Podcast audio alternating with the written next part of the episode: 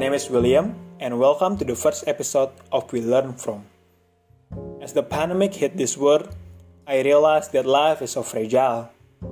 A lot of people lost their life during this period without being able to leave a legacy, and it is real sad to know that the time will make us forget about them.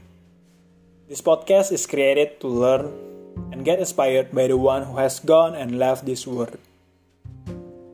For the first episode, we will learn from Lim, a woman who passed away six years ago. Little background about her when she was five years old, she moved to a new country and started a new life there. In her 20s, she married her husband and had 10 children afterwards. Her story is that one day, her husband got tricked by his business partner and made them lose all their wealth.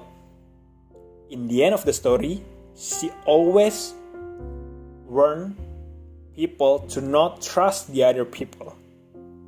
I thought that what happened to her really caused her shock and also trauma.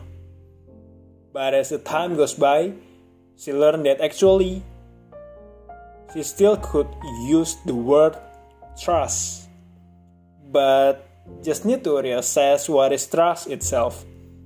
She learned that trust is not when you believe in someone to do what you expected, but it is actually when you trust is that when he or she would not do as you expected, you have the ability to accept it.